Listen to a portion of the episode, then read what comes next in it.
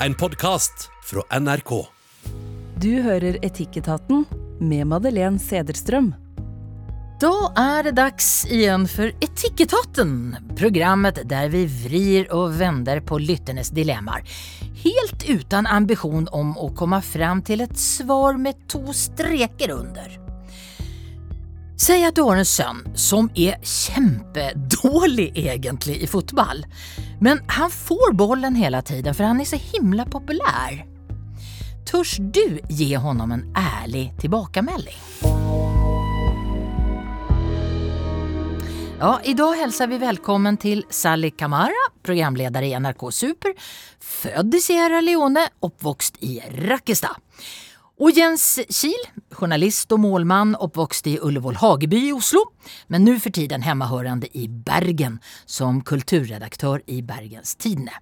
Og Anine Kierulf fra Heggeli i Oslo, jurist med spesialfelt menneskerettigheter og ytringsfrihet. Og jeg heter Madeleine Cederström, født i Stockholm, har bodd i Norge i snart 40 år. Vi börjar med första dilemma. Må vi alltid skryte, uansett av barna våre? Sally Kamara, husker du når du fikk skryt sist? Ja, det var eh, forrige uke en eller gang av venninnene mine. Eh, hvor jeg var, litt, jeg var litt nede, jeg hadde en litt sånn dårlig periode, og de bare pøsa på. Men hallo, Sally, du ser jo folk, du er jo kjempeflink til å formidle, men du er jo så god og grei. Eh, og det hjalp meg veldig. Og jeg får det egentlig veldig regelmessig av eh, folka mine, altså. Jens? Ja, eh, jeg skrev jo en bok i fjor høst om Liv Signe Navarsete. Og eh, for ikke så lenge siden så var det en Høyre-politiker som hadde lest boka og sendte en lang melding om, eh, om hvordan hun syntes at den var liksom virkelig lesverdig. Også for en som sto langt fra Navarsete politisk. Hun syntes at den var på en måte eh, så så allmenninteressant, da. Og det kjente jeg jo var Det er jo på en måte drømmen for en forfatter. At du skal treffe liksom utafor de du trodde du skulle treffe. Ja. An Anine, som advokat får du vel bare skjell?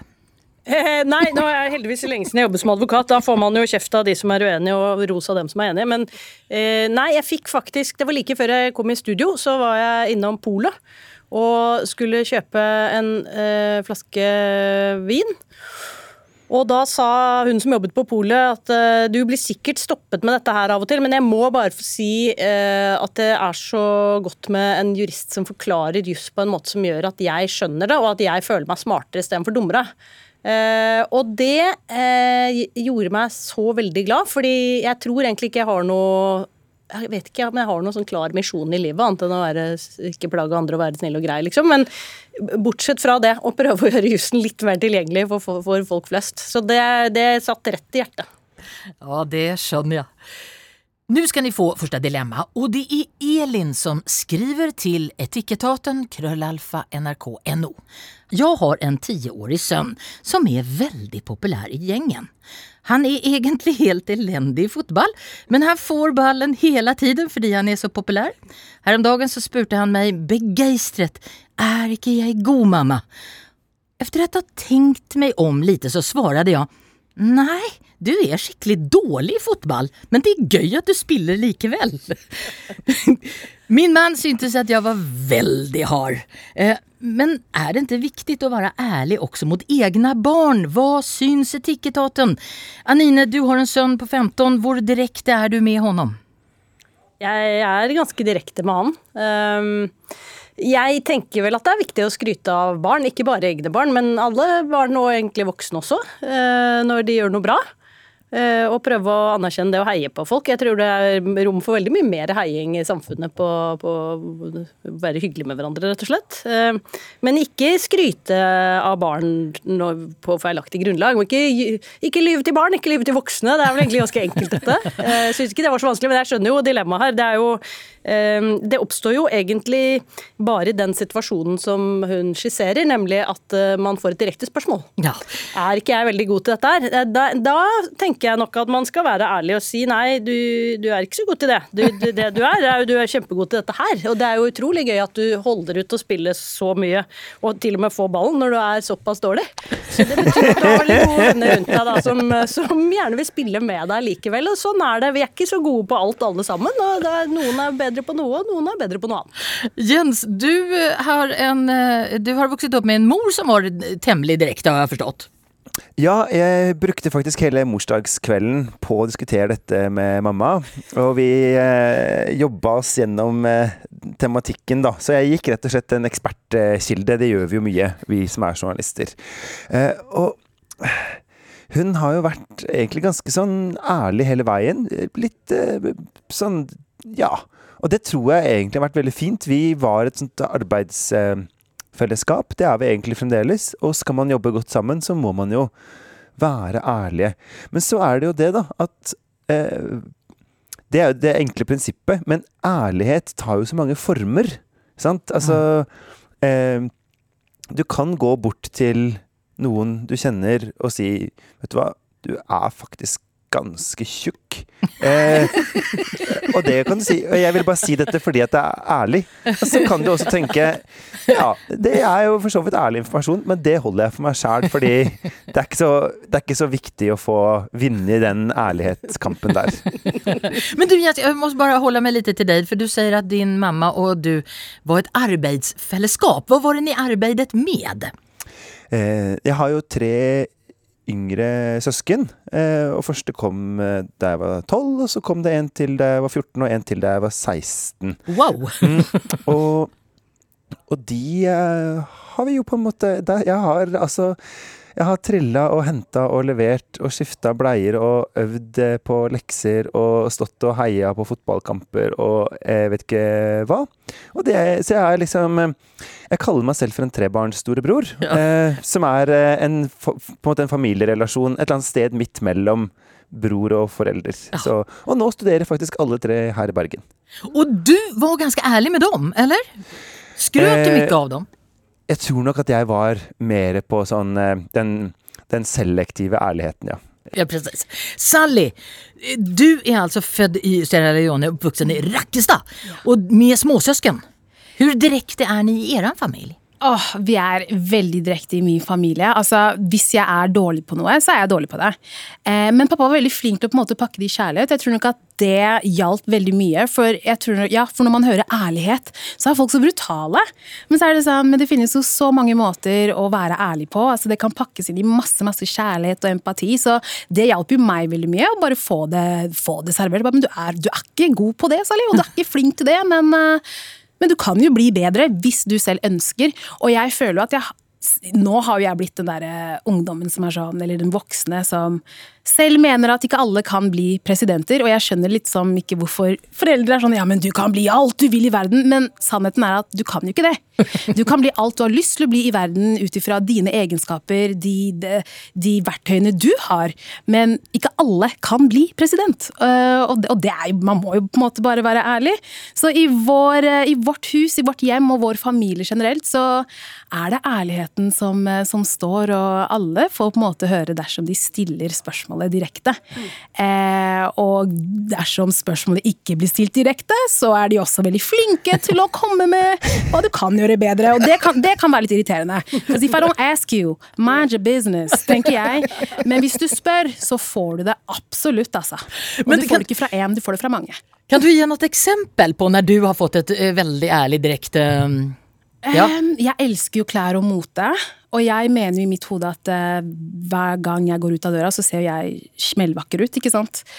Det gjør ikke pappa. Alltid. eh, så jeg kan jo eh, Og sommer er jo min favorittsesong, for da kan man gå i kjoler, man kan gå i skjørt, og liksom trenger ikke å ha på seg boblejakka, da. Um, og da, da, ja, da jeg var litt yngre, så pleide jeg å ta på meg kule klær og gå ut, gjøre meg klar til å gå ut, så ser pappa på meg bare jeg veit at du tror at det er veldig fint, men jeg vil at du skal vite at det ikke er fint. og så sitter jeg og ser jeg på han og sier bare tusen takk. Det er fordi han elsker deg. Og så går jeg videre. Ja, ja. Men jeg tror nok det gjør ingenting med meg. på en måte, For det er bare sånn, det er jo din mening. Ja. Min men, mening er ulikt, derfor har jeg det på meg. Enn når jeg skal ha det på meg. Og kan, dette føler jeg vi må, mer sånn generell eh, god kunnskap for alle. Kan vi ha den holdningen? Sånn, ja, men da, si, da sa du det. Det Ja. var det du mente. Nå går jeg videre Nå med går det jeg jeg videre. Og jeg har jo fått de dryppa siden jeg var liten, så det har liksom vært sånn Å ja, du liker det ikke, men det går fint. Ja. Jeg fortsetter dagen min for det. Et spørsmål er jo om vi roser barna for mye nå til dags. Och på 50-talet och före det då, då skulle ju ungar varken höras eller synas. Och det var mycket viktigare att irättesätta dem än att ge dem ros. Har vi gått helt åt andra hållet idag? Ger vi dem alldeles för mycket ros egentligen? I vårt hus så fikk jeg veldig mye ros innenfor ting jeg var veldig veldig flink til. Eh, Men ærligheten, jeg vet ikke. Jeg, jeg liker den ærligheten. Altså, jeg syns jo at vi kanskje roser barn litt for mye. Um, og, og, jeg tror nok at the downside uh, på det da er jo at man går i verden og tror at man er kjempeflink i alt. Jeg føler at det kanskje er en ting vi har her i Norge. da, At vi tror at vi er verdensmestere i alt sammen. Og så, det. og så sliter man da, ikke sant? Men man sliter da med å eh, løse opp i rusk dersom man alltid blir fortalt at ja, men du er verdens beste, du er verdens flinkeste, du er sånn og sånn og sånn. Og så møter du da en person som ikke er en del av huset ditt, for det vi må huske på, er jo at Ingen andre elsker deg jo enn familien din. Altså, han, bare for å sette litt på spissen, da. Altså, jeg er jo ikke viktig for andre mennesker enn min familie. Så når jeg kommer ut av huset, så er det jo veldig mange ting jeg kommer til å møte på. Så hvis jeg har blitt rost opp til skyene, og da kommer ut av den rosa bobla og kommer inn i verden, og da får beskjed om at ja, men herregud, Sara, du klarer jo ikke å skrive en ordentlig setning engang. Men ja, så, og da blir det jo litt vanskelig da, å kanskje endre på det du egentlig ikke er så innmari flink til, for det har blitt fortalt at du er flink til alt, og du har fått ros bare fordi du klarer å skille mellom hvor man skal ha punktum og komma, liksom. Anine, du hadde Du, du, Ja, jeg er helt enig i dette. og- så tenker jeg, em, Det er jo ikke bare gjennom ros man gir anerkjennelse og selvtillit. Det kan man jo gjøre gjennom alle mulige kjær- kjærlighetserklæringer, på, både verbalt og på andre måter. Em, og så tenker jeg kanskje, ja, det er viktig å rose for det som er bra.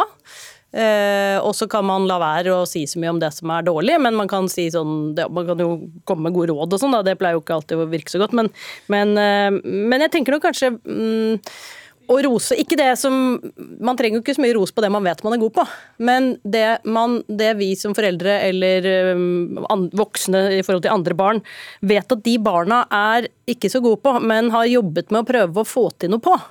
Ikke sant? Om de klarer å huske å ta ut den matpakken av sekken, eller hva det nå er de liksom jobber med for tiden. da. At de kan få litt ordentlig skryt for det. Eh, For de tingene, for, de, for det er liksom der hvor de driver og utvikler seg, der trenger man ofte den anerkjennelsen. Der trenger man at noen ser at man gjør det som alle andre egentlig bare tar for gitt, liksom. At, eh, for det var akkurat jeg strevde jo med det. Og kult nå var det noen som så at jeg klarte å ikke begynte å begynne å krangle på akkurat det der, der igjen. Ja. Wendy Grolnick er professor i psykologi ved Clark University i Massachusetts og hun har forsket på det her med å rose barnen. Och hon säger att det är att rose resultatet eller personen istället för processen. Skjønner ni? Alltså att man rosar, åh vilken fin tegning, ist- istället för att kanske säga vilken flid du har gjort eh, dig med den här tegningen. Ja. Skjønner du? Eh, Det, det kan jeg ja. kjenne meg veldig enig i. Nå skal ikke jeg utlevere noen husstandsmedlemmer her, men det eneste som var å rose med de tegningene, det var i grunn prosessen. Så det har vi, det har vi rost mye. Hva, tenk, hva sier du Jens om det her med at uh, man skal rose prosessen? Og, för det som hun skriver da, det er at om man roser resultatet eller eh, personen istället prosessen, processen så kan det gi barnet prestationsangst og feil verdier, Skriver hun. Hva tenker du om det? Ja, Jeg synes det hørtes voldsomt ut. Og jeg tror det er utrolig viktig å fortelle folk igjen og igjen at det, det de er gode til. Og det er jo ofte liksom det de har øvd mest på, liksom er kjernen i, i personligheten, på en måte, eller av liksom de egenskapene som man er mest opptatt av hos seg selv. At man får høre igjen og igjen at det er kjempebra. Jeg tror det har eh, så mye for seg. Altså sånn eh, Fra jeg var sju år, så eh, visste jeg at det jeg ville, det var å leve av å skrive, og jeg ville jobbe i avis. Da begynte jeg å lage mine egne aviser. Og nå, det er jo hvert øyeblikk 30 år siden, da. Og eh, hvis jeg ikke jevnlig gjennom de 30 åra hadde fått høre at jeg var flink til å skrive, så hadde det jo på en måte vært en eh, eh, Det hadde nok vært en større knekk eh, enn jeg egentlig vil innrømme, tror jeg. Det tror jeg er superviktig. Hva sier du, Anine? Er det, er det viktig? Ja. Jo, nei, jeg følger helt det Jens sier her. Jeg, altså, hva, hvilken rolle har du som forelder i forhold til et barn? Og da tenker jeg at det barnet vil få, hvis du spiller piano bra eller fotball bra eller hva det er du gjør, det får det barnet høre hele tiden, og det er det barnet på en måte er kjent for i sin vennegjeng og, og sånn. Sånn at eh, som forelder så tenker jeg ofte at det eh, i hvert fall vi har ansvar for, da, det er jo å løfte frem noen av de andre sidene som kanskje ikke blir så sett. Så, så mer det enn å, å si at man ikke skulle skryte av det som er bra. For jeg er helt enig med Jens, og jeg heier på de som har heiet og rost Jens opp igjennom til å fortsette å skrive avis, sånn at Jens valgte å skrive avis. Ja. Jeg syns du er kjempeflink til å drive med juss, Anine. Og særlig Tusen, mener du det, Jens? Nå ble jeg så glad. Tusen takk. Har du øvd mye på deg? Ja, jeg har gjort masse. Det har kostet masse slit, faktisk. Så hyggelig at du ser det. Ja. NRK Super Sally Kamara, advokat og menneskerettighetsekspert Anine Kierulf og kulturredaktør i Bergens Tidende Jens Kiel. Madeleine Cederström heter jeg. Dette lytterdilemmaet, kjære deltakere, handler om noe som jeg som svensk faktisk ikke. Jag trodde faktisk ikke dette var et tema her i eh, Norge. Hvem skal forsvare det gamle, pene, fine Norge? I Sverige så sliter vi jo bitte litt med det spørsmålet akkurat nå. Vi vil jo gjerne ha hjelp av Nato. Det er jo ikke helt sikkert at vi får. Det får vi se. Eh, hør her hva Katrine har skrevet til oss. Jeg møtte noen kompiser tidlig i 50-årene som alle hadde avtjent verneplikten. Alle tre sa at de ville stikke av hvis Norge ble angrepet, og vi måtte mobilisere. Dette er da virkelig et etisk dilemma verdt å diskutere. Skal kun de unge kjempe? Er det bare soldatene fra andre NATO-land som skal dø for å forsvare Norge, mens våre egne innbyggere stikker seg unna? Hva er det her for slags holdning, spør nå jeg, skriver eh, Katrine. Eh, først, jeg vil egentlig bare ha et ja eller nei av er. Eh, og, og så, så skal ni få lov å, å å fordype det. Eh, Sally, hadde du stukket av? Ja. Anni Anine, hadde du stukket av? Nei. Jens, hadde du stukket av? Vet ikke! Eh, men nu ska, vi må gå inn i det her litt grann mera. I Norge har vi noe som vi kallar for totalforsvar. alltså försvaret och det civila samfundet, både i fredstid och i väpnad konflikt. Och det betyder egentlig att vi alla har en roll i en eventuell konflikt. Eh, kära panel, Ukraina, i Ukraina har vi ju sett att det är många som har flytt, men det är långt flera som stannar kvar och många flyktingar vänder ju tillbaka.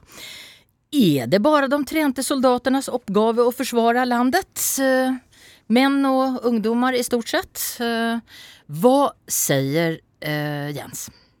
Nei, jeg var jo eh, militærnekter på pasifistisk grunnlag da jeg var eh, på sesjon. Eh, jeg var 18 år.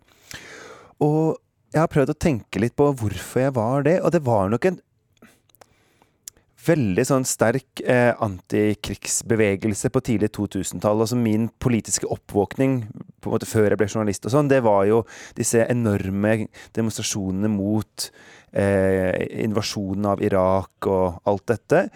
Eh, og jeg kjente nok veldig sterkt på at eh, vi må på en måte ha en bevegelse i samfunnet som sier nei til krigføring, eh, og at jeg kjente at jeg er ikke Jeg, jeg kan ikke forsvare overfor min samvittighet å delta i krigshandlinger.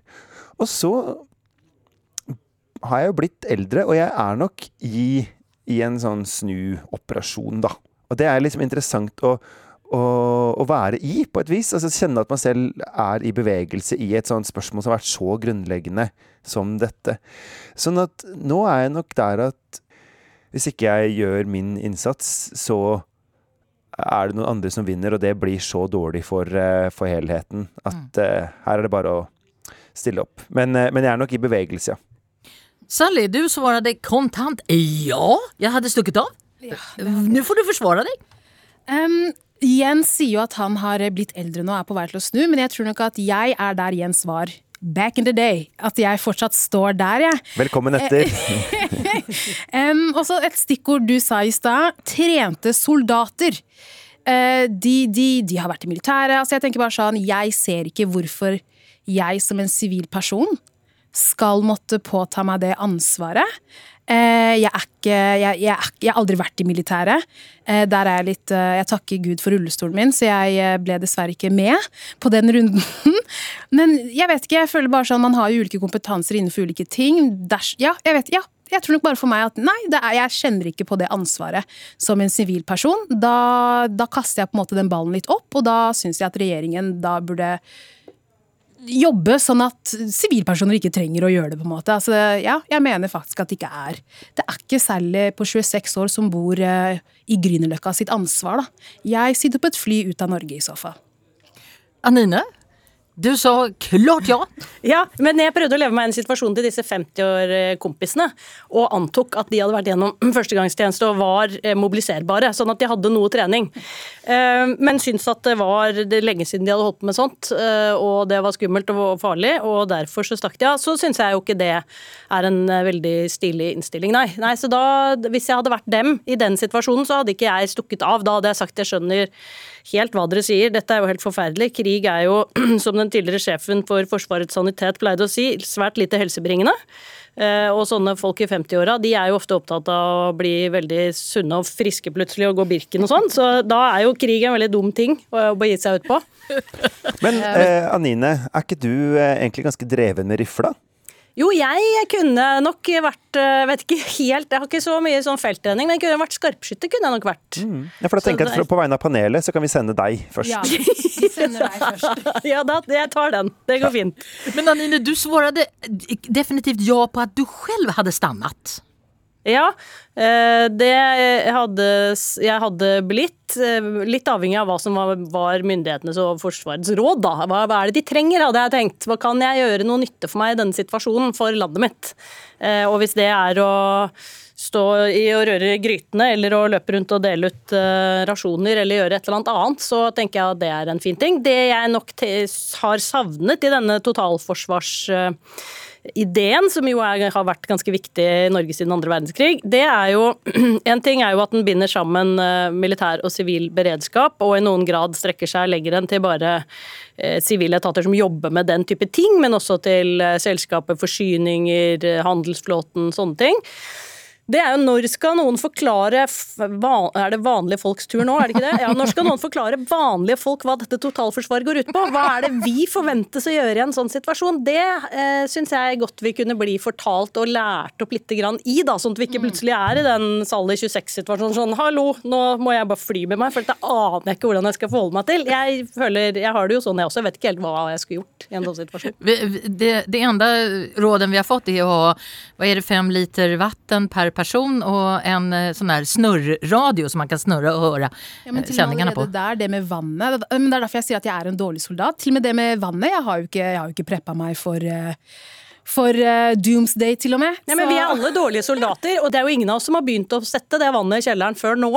Da Ukraina ble invadert. Det var sånn, nei, vent nå, det var kanskje noe virkelig, dette her. Kanskje jeg skulle sjekke det havregryn uh, Ja, ikke ja. sant. Uh, så jeg tror ikke Vi er gode soldater, noen av oss, og det er ikke så rart når vi ikke har noe trening, men vi er jo helt normale mennesker som i noen grad er drevet av eh, følelser, og hvor frykt er en veldig sterk følelse. Hvis vi først kjenner på frykt, så er vi nok i stand til å gjøre litt av hvert. Altså, det, det er jo så her at i Ukraina så er det langt flere som har stannet kvar enn som har flytt. Eh, og de har jo en slags oppgave, hele, alle dem. Eh, hadde, er det sånn at vi alle kunne hatt en oppgave? Hva sier du, Sally? Kunne du ha tenkt deg å stå och göra något. Selv om det blir, om du säger att den där flyget inte går ut, mm. vad gör du då? Tar toget.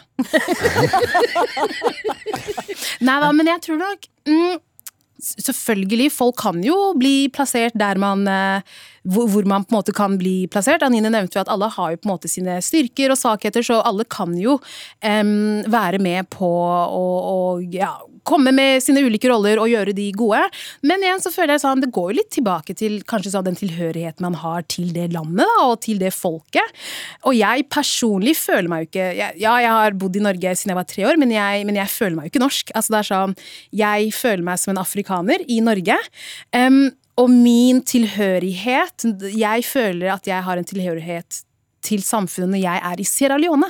Så jeg tror nok at det handler litt om den der, hvem er det som føler seg hva, og skal, er, det, er det da Ja, jeg vet ikke. Jeg, jeg, Men- men står, hadde jeg tror nok jeg setter meg på toget.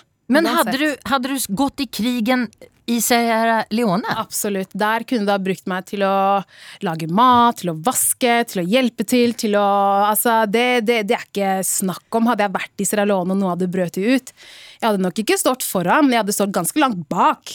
Men jeg hadde vært en del av toget. Gått veldig sakte. Dette er veldig bra. gått. Nå er vi tilbake til de svenske kompisene. Vet du. Det er jo det de også har sagt. Det er gærent land.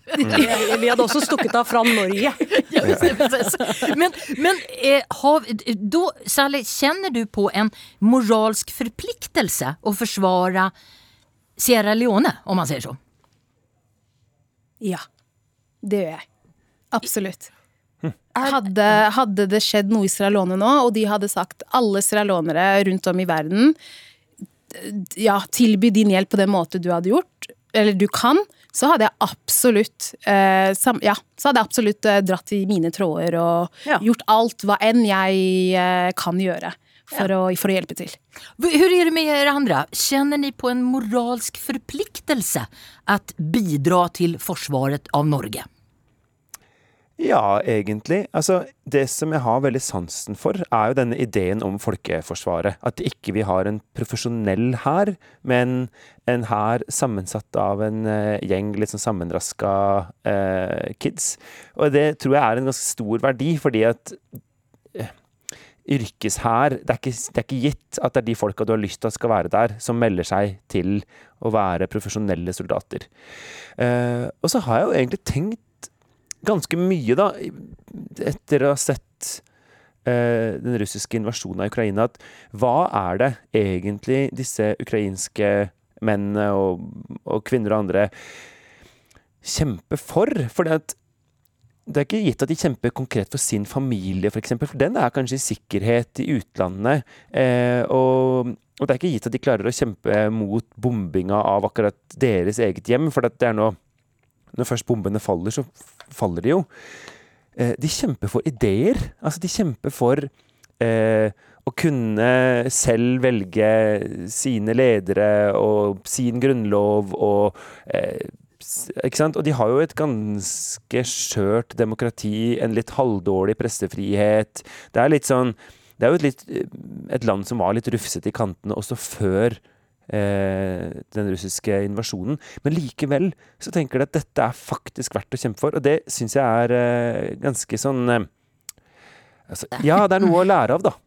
Det er Så- veldig interessant det du sier der, og det er også du sa, Sally. For det er jo det er jo en moralsk forpliktelse, eller en følelse av en moralsk forpliktelse, enten om det er til en, nasjon, som jo for så vidt også er en idé, egentlig, eller ideer, som du sier, eh, Jens. Så jeg tenker jo litt på det av og til. Um, jobber jo med grunnlovsrett, og grunnloven er jo har jo litt sånn type symbolbetydning, sånn à la nasjon og det vi snakker om her nå, men, men ta, tas det jo ofte ganske lett på når den ikke passer. ikke sant? Så det Tanken på at noen er villig til å dø for å forsvare Grunnloven, den er jo egentlig veldig vakker. Eh, Selv om det aldri er vakkert med krig og død. Eh, Så jeg, jeg tror nok jeg føler på en, absolutt en moralsk forpliktelse, ja. Og at den er ganske sterkt knyttet til nasjonen. Eh, og, og hvilken nasjon eller hvilken idé, det kommer jo an på hva du har en tilknytning til. Men at, eh, at det er jo til ettertanke at det er så sterkt i 2023. Og egentlig litt rart, fordi eh, eh, jeg kommer jo fra et miljø hvor vi snakker ganske sånn positivt om nasjonalisme, og om nasjonalismens mange eh, fordeler. Altså som annet handler om dette med at vi eh, vi knytter sammen, eh, du har en interesse av å stemme ved valg, du, du bryr deg om det fellesskapet, da.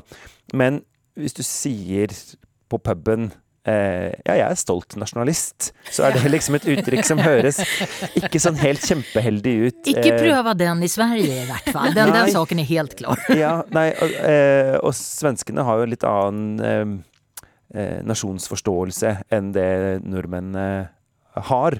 Men jeg syns det der er ganske fascinerende. For det, det med å være glad i landet sitt, det, det ligger det egentlig veldig mye bra i, da. Men ja, eh, særlig. er du ikke glad i Norge da? Jo, jeg er veldig glad i Norge, men eh, jeg jeg setter meg på det flyet selv om, på en måte. jeg, jeg, føler vet du hva, jeg har vært gjennom én krig allerede. Det, det får holde, tenker jeg. Og så tror jeg nok at jeg tenker med tanke på at det er Norge, og Norge har på en måte de ressursene, vi har de pengene. Hvorfor hvor, altså jeg føler at vi, er, vi, ligger ganske godt an til å ha ulike planer klare. da. Mens i Sierra Leone så er det vel mye fattigdom. Sannheten er at det er et av verdens fattigste land. Derfor føler jeg at vet du hva, jeg må ned dit. For de har kanskje ikke den kapasiteten, den økonomien, til å gjennomføre ulike planer, eller til å bare sette opp ulike agendaer, til å, til å få med veldig mange til å kjempe. Men Norge har det. Så derfor tenker jeg sånn, ok, men da må jeg gå dit hvor faktisk hjelpen trengs. Mm. Og det føler jeg da blir Sierra Leone, som, er, eh, som på en måte ligger eh, langt nede. Dette tror jeg kan tilslutte meg når du ser på kommentarfeltene. Jeg tror jo nordmenn er blant de som bruker Facebook mest. Og de, eh, det er jo ganske mye sånn krig i de kommentarfeltene, sånn at vi har nok veldig sånn kapasitet her i landet til det. Tid og kapasitet. Ja. Nei, altså for jeg har jo også da gleden av å være eh, innrullert i Sivilforsvaret. Så jeg er jo ikke bare eh, Hva er din oppgave? Får man lov å fråga det som svensk? Det er kanskje til og med hemmelig? Sidemann på Brannby Si det, ja. si det. Nei, altså, jeg driver jo altså, Her på Vestlandet så slokker vi jo skogbranner, og vi hindrer flom og sånn. Så innimellom så går vi manngard i skauen og leter etter eh, demente som har gått seg bort fra koret sitt, og slikt. Og det er egentlig ganske meningsfullt arbeid, da. Eh, så seinest i fjor sommer så stansa vi en skogbrann som, så det ikke tok et borettslag. Eh, og, og, i starten så sleit jeg en del med motivasjonen, må jeg si. Altså det var litt sånn Uh, hvorfor, jeg, hvorfor, må jeg dette? Etter å ha brukt 14 måneder i siviltjeneste, skal jeg gjøre dette i tillegg, når så mange ikke trenger å gjøre noen av delene.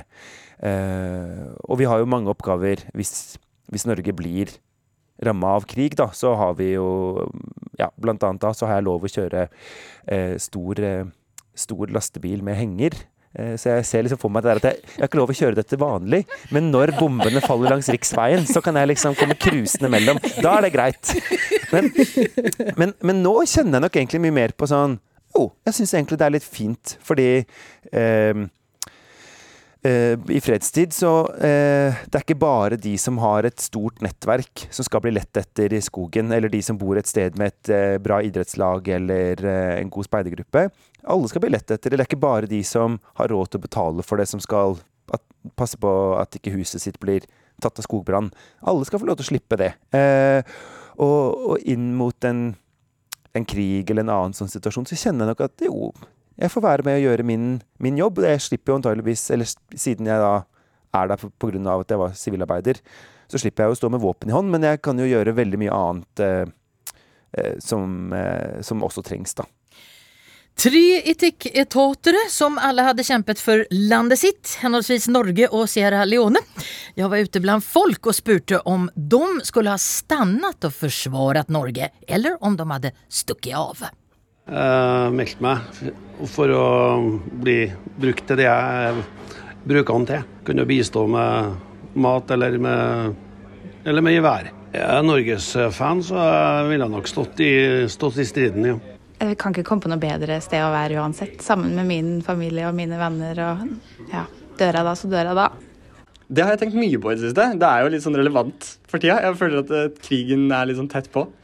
Ville jeg blitt for å forsvare landet mitt mot en fremmed makt som jeg ikke støtter, så håper jeg jo virkelig det. Men uh, hvem vet?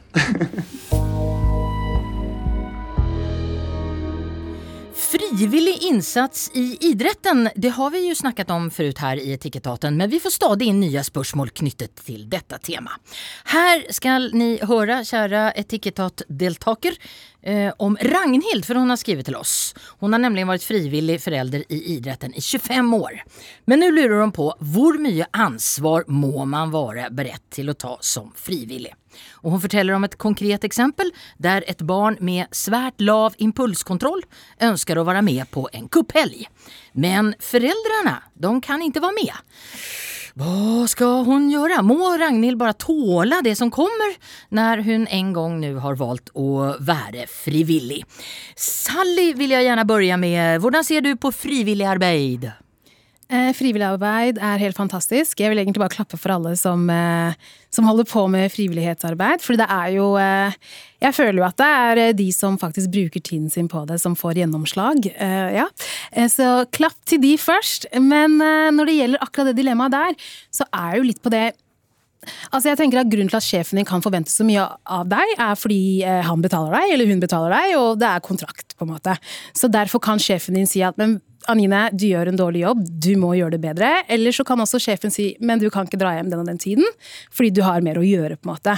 Og da skjønner jeg at det er greit, fordi den personen betaler meg, jeg er under en kontrakt. Um, men når det gjelder å på en måte bruke din egen fritid på noe, and you don't pay me, og det er ikke noe kontrakt til grunne, så er jeg litt sånn Hvor mye kan man da forvente? Jeg personlig mener jo at man ikke trenger å gjøre så mye. Det eneste man trenger å på en måte gjøre, det jeg forventer av deg, er at du er god og grei og på en måte oppfører deg um, passelig ifølge den målgruppa du skal være rundt. på en måte, Og jeg føler at alle voksne skjønner at man skal ikke man skal ikke bruke groteske ord når man f.eks. er rundt barn. da.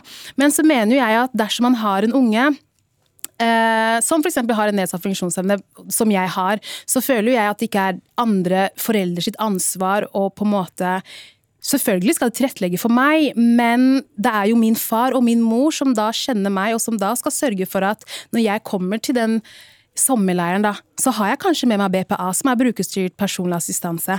Eh, og da er jo de for meg, ikke sant. Sånn at dersom jeg trenger noe, de kjenner jo meg og mine behov. Sånn at det eneste de andre trenger å fokusere på, er oss særlig skal være med på ulike aktiviteter. Men når det gjelder den tilrettelagte biten, eller når det gjelder på en måte utbrudd eller andre ting som har noe person med meg å gjøre, så er det jo BPA-en som tar seg av det. Mm. Så jeg syns at det blir litt feil også å på en måte bare forvente at de som er frivillige, skal bli Altså, de skal få alt det dårlige. Ja, men du er jo her. Nei, men jeg trenger faktisk ikke å være her. Jeg må ikke være her. Så jeg tror nok at man må, man må respektere de veldig, altså. For det, det er av egen fri vilje. Og da føler jeg liksom at da da er det organisasjonen mm. sin oppgave å sørge for at de også blir ivaretatt. For det er også veldig viktig. Anine, kjenner du igjen deg i Ragnhilds dilemma? Uh, ja. Um, det vil si jeg klarer å, å, leve meg inn i det, i hvert fall. Selv om jeg ikke har vært i den situasjonen selv. Uh, så skjønner jeg veldig godt hva dilemmaet går ut på. Og jeg tenker nok som Sally at, at en del av dette kan jo løses i samtale og samarbeid med de foreldrene. ikke sant? Og det vil jo ofte være tilfellet hvis man har et barn med noen særlige utfordringer, at man gjør det man kan for å tilrettelegge det. Og særlig hvis man ikke kan være med selv og ta det ansvaret. Men det forutsetter jo at de foreldrene er ressurssterke nok til å gjøre det, og det er det jo ikke alle som er. Sånn at disse, de barna som har den type utfordringer, og i tillegg ikke har foreldre som kan hjelpe dem, eh, de eh, faller jo utenfor veldig mange steder og er ganske stigmatisert eh, på skolen og i vennegjenger og alle andre steder. Eh, sånn at noen, noen, må jo fange opp dem. Og jeg tenker nok, eh, selv om det er veldig urettferdig for de som er så greie å gjøre noe frivillig, eh, så tenker jeg nok at det å være frivillig, det innebærer nok det innebærer også et ansvar for å kunne forholde seg når det er barn som har sånne utfordringer. Eh, og kanskje er det sånn at man da kan alliere seg med noen andre foreldre, eller eh, bygge et slags team da, eh, i frivillighetens navn til å, til å, hjelpe seg ut av en sånn situasjon, eller gjennom en sånn situasjon. Beste er selvfølgelig hvis man kan gjøre det sammen med foreldrene. Ofte vil det jo være sånn at det bare ikke passer akkurat da, ikke sant. Og da kan man jo litt sånn byttehandel sånn nå drar dere på det, og så lager vi en middag hjemme hos oss i neste uke, og så får man det til å gå opp eh, på en eller annen måte. Men, men det viktige samfunnslivet som frivilligheten er, eh, og idretten eller hva det noe annet er som, som forutsetter den type frivillige, det er jo eh, det er liksom utrolig viktig for å bygge samfunnet vårt med alle de som er en del av det samfunnet, uansett hvilke utfordringer de har. Og det er jo tegn i tiden på at det samfunnslimet er i ferd med å kanskje forvitre litt, da. Mm. Fordi det blir færre i frivilligheten. Vi blir mer sånne konsumenter som eh, forventer ting og har et mer sånn kontraktuelt forhold til, eh, til samfunnet. Det, så det er en kjempeutfordring. Jeg tror ikke det er noen annen løsning på dette enn å hva er det? Diskutere seg gjennom problemene. Jens, eh, har vi et moralsk ansvar å ta hand om eh, Mauri Rumpa-ungene? Ja, helt klart. Og jeg syns at eh, det er utrolig viktig at også de ungene som er eh, litt slitsomme, som gjør litt mer ut av seg, eh, skal få den samme, de samme eh, frirommene fra foreldrene sine som de veloppdragne, greie ungene får. Kanskje er det de som trenger det aller mest. Eh, og at jeg syns det er så eh, viktig at frivilligheten altså, Jeg har vært i korps i ti år sjøl. At du kan ikke bare skumme fløten. Du kan ikke bare ta de ungene som det var greit å ta, på en måte, å si at resten må faktisk ha med seg sin egen forelder, ellers så blir dette slitsomt. Ja, det går litt over styr innimellom, men det er kanskje også en verdi i det. Så de, særlig for de ungene, å få lov til å bare kjenne at eh, ok, nå er det noen andre som setter litt grenser for meg enn de det er til vanlig, og jeg får lov til å eh, boltre meg litt uten at foreldrene mine løper rundt og sier 'Å, det er så mye med deg', liksom. Nei, det, det tenker jeg Det får vi bare tåle. Jeg er jo veldig enig i at alle skal jo med, alle barn skal jo med, på en måte. Og det er jo helt, helt sant. Men jeg, sånn som jeg, da, jeg sitter jo i rullestol, eh, og har gjort det helt siden eh, jeg var to år. Men jeg har jo alltid vært med på en måte leirskole og alle turer. Men jeg tror nok at grunnen til at jeg koste meg, for der var jeg veldig heldig, jeg var veldig vokal, og alle lærerne på en måte visste når særlig Når jeg ikke var uenig med noe, så sa jeg godt ifra, men så er det på en måte andre diagnoser som man f.eks. kan ha da hvor det blir litt vanskeligere. Og det jeg tenker, jeg, jeg har liksom barnets behov og barnets glede i tankene mine, og at det kan bli litt vanskelig for ungen å faktisk kose seg dersom det kanskje er veldig mange andre som ikke er kjent med deres eh, atferd. Eh, at man kanskje blokkerer det litt. og Det er egentlig bare sånn kjapt for å ta det tilbake til eh, Jeg har nettopp lagd en TV-serie, og da har man da, jeg var på tur med ja, en veldig fin bunch of kids som er eh, med ulike funksjonsvariasjoner. Og da har vi en med Aspergers. Og man bare ser den utviklingen, da. Han hadde, han hadde med seg en BPA. BPA er brukerstyrt personlig assistanse, som kanskje ikke trengte å være der hele tiden, men at han hadde med seg den BPA-en som kjente han såpass godt, da, hjalp han også med å nyte båtreisen. For der vi på en måte ikke hadde kunnskapen til å irettesette, eller bare For vi, vi, skjønner jo ikke kanskje Aspergers-diagnosen, men hun gjør det, for hun har jo vært med han lenge. Så på grunn av på en måte hennes trygghet, at hun kunne komme der og snakke litt med han når vi ikke visste hva vi skulle gjøre, hjalp han med å faktisk få en helt fantastisk opplevelse. Så jeg tenker jo det at alle barn skal med, men det er så viktig å på en måte tenke på hvordan den ungen skal ha det såpass fint, og ikke bare være med for være med sake, liksom. Da skal man også sørge for at den ungen faktisk har det gøy, og jeg tror nok at det kan være litt vanskelig for en unge som allerede er i 100, jeg har selv ADHD, Uh, ja, en person som er i 100 og skal alltid bli fortalt ja, men hysj, hysj, hysj, fordi læreren eller hvem enn av de frivillige kanskje ikke skjønner seg på den diagnosen.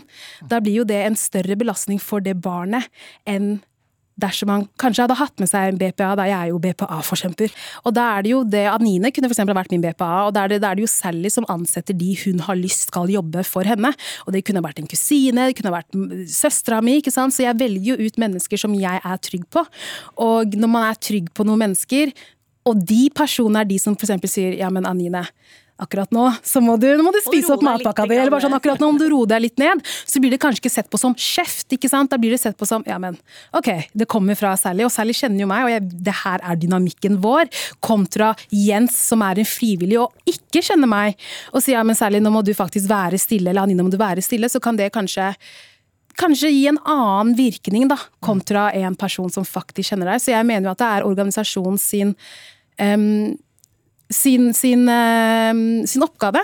Og faktisk, ok, er det noen i rullestol som skal være med, men da må vi også spørre, sørge for å, at den personens glede og nytelse også skal ivareta. og der, Derfor er det så viktig at man har de samtalene med foreldrene. Hva er det, hva er det som trengs? Kan dere, kan dere ikke? Ok, men hva, hvem andre kan være med, f.eks.? For, mm. for de skal ikke bare være med, de skal også ha det gøy.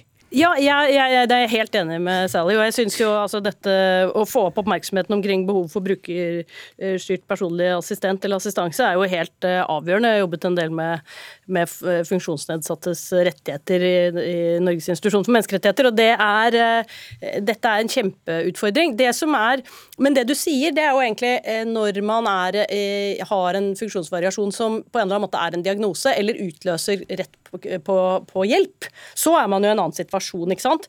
Men vi har jo masse sånne maur i rumpa-barn mm. eh, som ikke har noen diagnose, og, og, godt er det. ikke sant? Vi skal ikke diagnostisere bort eh, all som er bare normal variasjon, men også i normal variasjon, og uansett om det er reelt sett diagnoser eller ikke, så er jo dette barn som egentlig opplever veldig mye, mye, stigmatisering, motstand, utenforskap, utestengning, eh, og ikke minst, som Jens var inne på, veldig tett oppfølging fra foreldre hele tiden og virkelig trenger fri.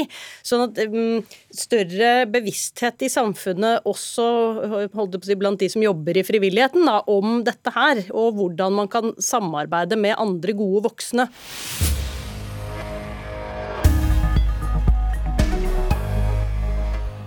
Ja, det ska handla om eh, hilsing här i Etikettaten. Själv kommer jag från Sverige där klämming icke är ett utbrett beteende.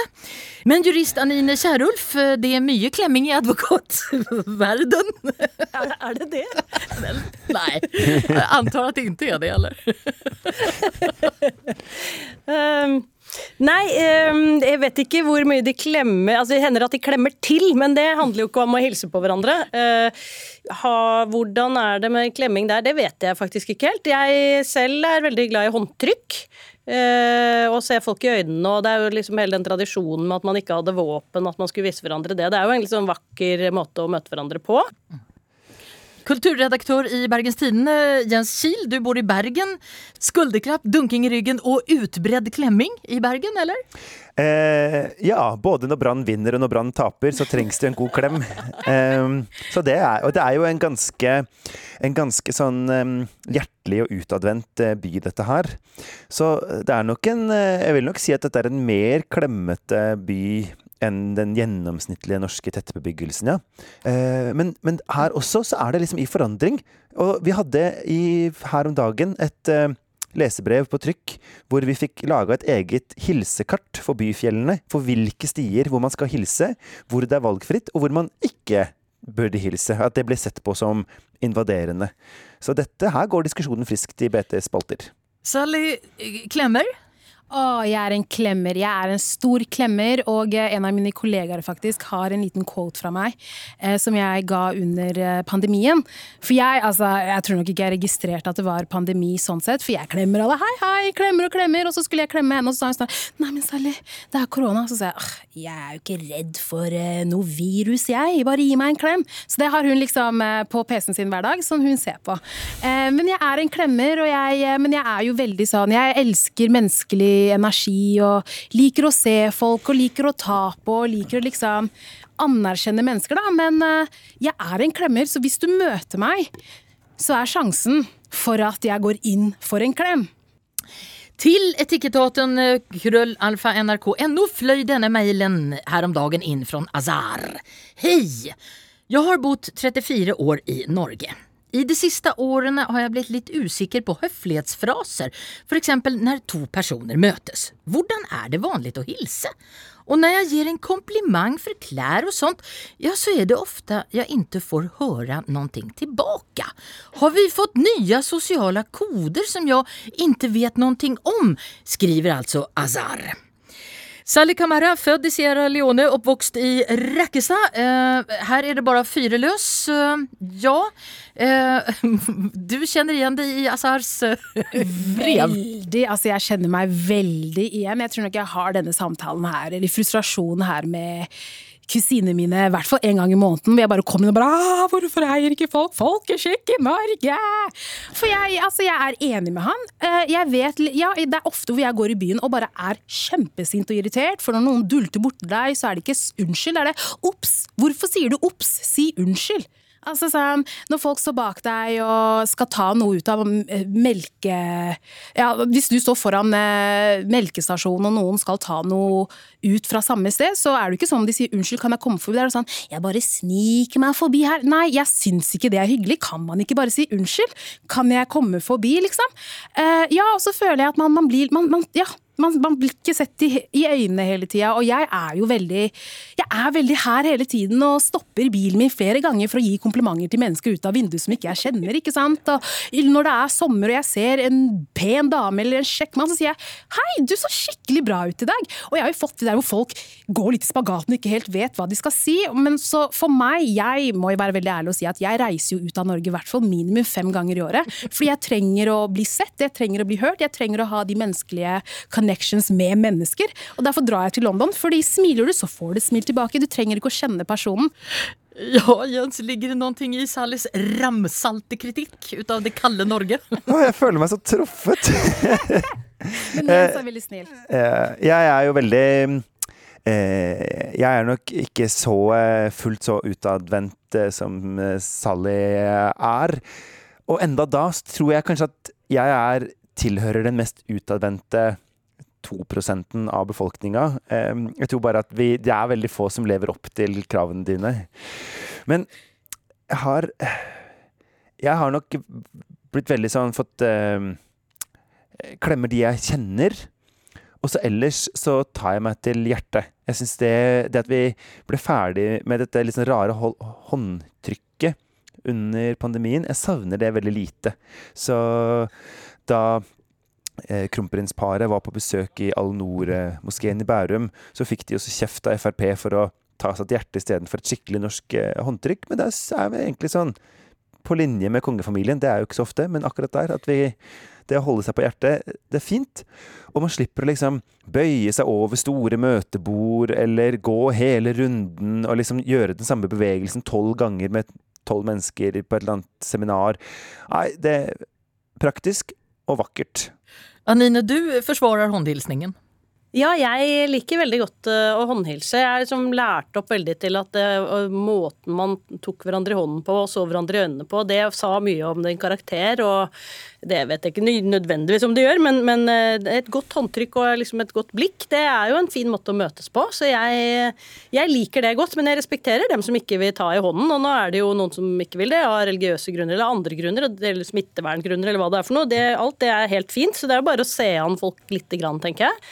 Eh, Men jeg følger jo det som Sally sier om eh, nordmenns sosiale inkompetanse. Altså der er det jo Jeg er nok også Jeg føler meg litt truffet, men jeg er nok også blant de to prosentene som Jens er med i. Jeg er sånn som roser folk uh, uoppfordret. Uh, prøver å anerkjenne folk som uh, virkelig prøver å gjøre en innsats, eller har, har på seg noe fint, eller har gjort et eller annet spe spesielt, eller bare stråler av en eller annen grunn. Det syns jeg er veldig hyggelig å si fra til dem. Jeg er sånn som prøver å holde døren for folk, og, men da er det jo Får som du du sier? Eller bare går de gjennom? det hender jo at folk bare går gjennom, eller, eller eh, bare sånn Ja, så da hender det at jeg roper 'vær så god' Ja, etter dem. gjør det. Eh, Da blir det jo dårlig stemning, selvfølgelig, men eh, Nei, det, vi kan ikke dette. Vi har ikke lært det. Vi er preget av både jantelov og manglende sosial trening. Så her kan vi bli bedre. Har vi, har vi noen råd til Azar? Eh, hvordan skal han tolke oss? Reis mer. Reis mer ut av Norge for å tappe deg selv.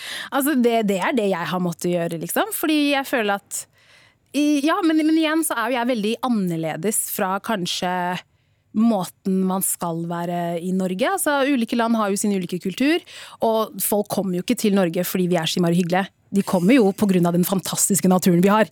Nordmenn er jo ikke de hyggelige. Altså, det er sånn, vi er jo veldig If we don't know you, we rather not talk to you.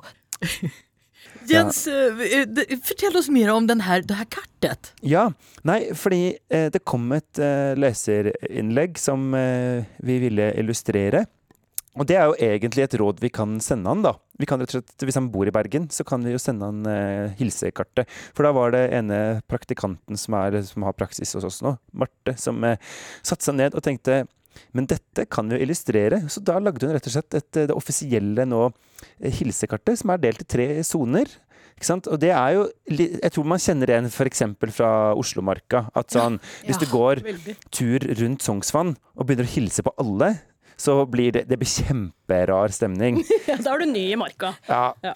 Eh, og så hvis du er litt sånn på vei innover noen kilometer, så, så kanskje på en tirsdag formiddag f.eks., hvis det er veldig få ute, så kan man hilse på hverandre. Eller veldig dårlig vær. Ja.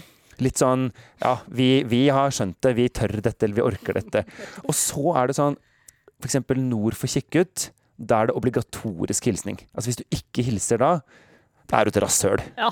Folk som ikke hilser i spålen. Men altså, jeg de er tenker, det at vi er så dårlige på å hilse at vi trenger et hilsekart, det bare forteller jo at vi er forferdelige på å hilse! Ja, altså sånn at vi må, ha, vi må ha en oppskrift for hvordan du skal møte et annet menneske! Altså, hvilke andre land har det, liksom? Ja, Vi har utrolig fin natur, da. What? Takk, ja, vi har naturen. Den er ti av ti. Den Men- er ti av ti. Men er det ikke egentlig det Anine, jeg ser for meg at du er en sånn derre DNT-person. Er- Kan det stemme? Det kan stemme. Ja, for det er vel også kanskje et godt tips, da. At sånn, hvis han ønsker å oppleve eh, obligatorisk hilsning og veldig sånn at det er lov å preike med folk du ikke kjenner, så turistforeningshytte. Ja. Det er fint, ikke sant. Du Istedenfor å si til folk som sier dette til deg, Sally, at de må dra til utlandet, så må du si de må dra til fjells. De må dra til fjells, eller vente til 17. mai. Ja. Men, ja, det hjelper. ja, det hjelper men, litt, men ja. generelt, det der å dra til fjells eller til skogs eller ut i naturen, det er jo svaret på veldig mye her i Norge. Ah, men sånn som meg, da, hva, hva, de som ikke liker det. Sånn som jeg liker jo ikke det. Men det jeg legger merke til, da, og det jeg også har lyst til å si til han, er fortsett å være den du er. Er du en hilser, er du en snakker, bare fortsett det. Fordi det, det, det åpner opp mennesker, og det har liksom jeg lagt merke til. At det er veldig mange som kommer bort til meg og bare ah, selv jeg kan være meg selv rundt deg. Bare sånn, når vi møtes neste gang, så ja, bruker de litt av min sosiolekt, og energien er annerledes. Så fortsett å være deg selv. Så det er liksom det jeg minner meg selv på. Hvis ikke jeg får reist, da skal jeg søren meg fortsette å være meg selv, og på en måte håpe at det drypper av på resten av befolkningen i vakre Altså, hvis du kunne tenke deg å ta den delen av frivilligheten som er å lære opp nordmenn litt grann der, Ja. det hadde vært fint. Her står Sally og mener at liksom, eh, Norge er for dårlig til å hilse på hverandre, mens alle de andre nordmennene står inne i skauen og hilser på hverandre. Noen, noen er flinke, men helt i Skauen vår er stappfull kultur av er ikke deg. kjære, kära dere, tusen hjertelig takk. Jurist og menneskerettighetsekspert Anine Kierulf, kulturredaktør i Bergens Tidende Jens Kiel og programleder for NRK Super Sally Kamara. Jeg heter Madeleine Cederström.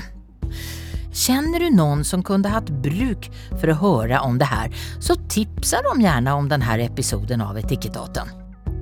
Och har du ett dilemma för oss som vi kan bryna oss på? Lite eller stort? Rart eller vanskligt eller flaut eller något sånt? Skriv en mail till etikettaten krøllalfa nrk.no. Du har hørt en podkast fra NRK. Hør flere podkaster og din favorittkanal i appen NRK Radio.